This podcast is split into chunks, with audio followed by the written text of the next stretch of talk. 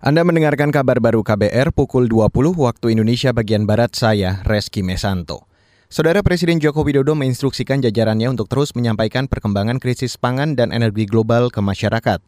Jokowi juga meminta para menteri mengantisipasi ancaman krisis dua sektor tersebut. Arahan itu disampaikan Presiden saat memimpin sidang Kabinet Paripurna di Istana Negara, Jakarta hari ini. Naik, coba di, tolong sering dibandingkan dengan negara-negara lain. Harga gandum naik, naiknya berapa?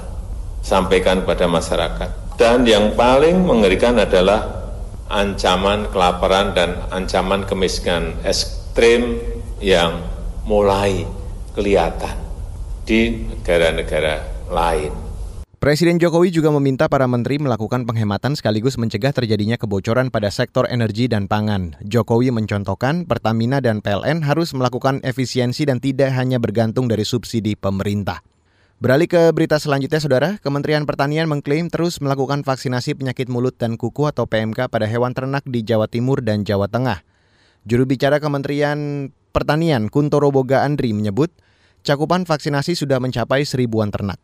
Kami laporkan sampai dengan saat ini pukul 14.20 waktu Indonesia bagian Barat, vaksinasi PMK di Jawa Timur dan Jawa Tengah dilaporkan mencapai 1.519 ekor ternak yang telah divaksin dan data ini akan terus bertambah. Sementara itu, vaksinasi massal di Jawa Barat juga telah dimulai hari ini di Kecamatan Pamulihan, Kabupaten Sumedang, dan secara paralel akan diikuti pada provinsi-provinsi dan kabupaten-kabupaten lainnya.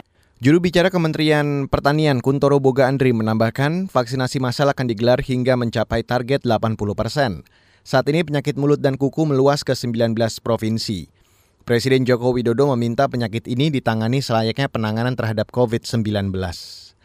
Saudara, insiden penembakan secara acak kembali terjadi di Amerika Serikat. Kali ini, remaja 15 tahun tewas dan tiga lainnya luka dalam peristiwa penembakan di Washington DC pada minggu kemarin. Dilansir dari CNN, insiden terjadi sekitar pukul 6 pagi di persimpangan jalan saat acara peringatan penghapusan perbudakan. Sepanjang 2022 sudah ada lebih dari 200 penembakan terjadi. Kasus terakhir terjadi pada 24 Mei lalu, di mana pelaku menyerang sekolah dasar di Texas dan menewaskan total 21 orang. Dan saudara, demikian kabar baru saya Reski Mesanto.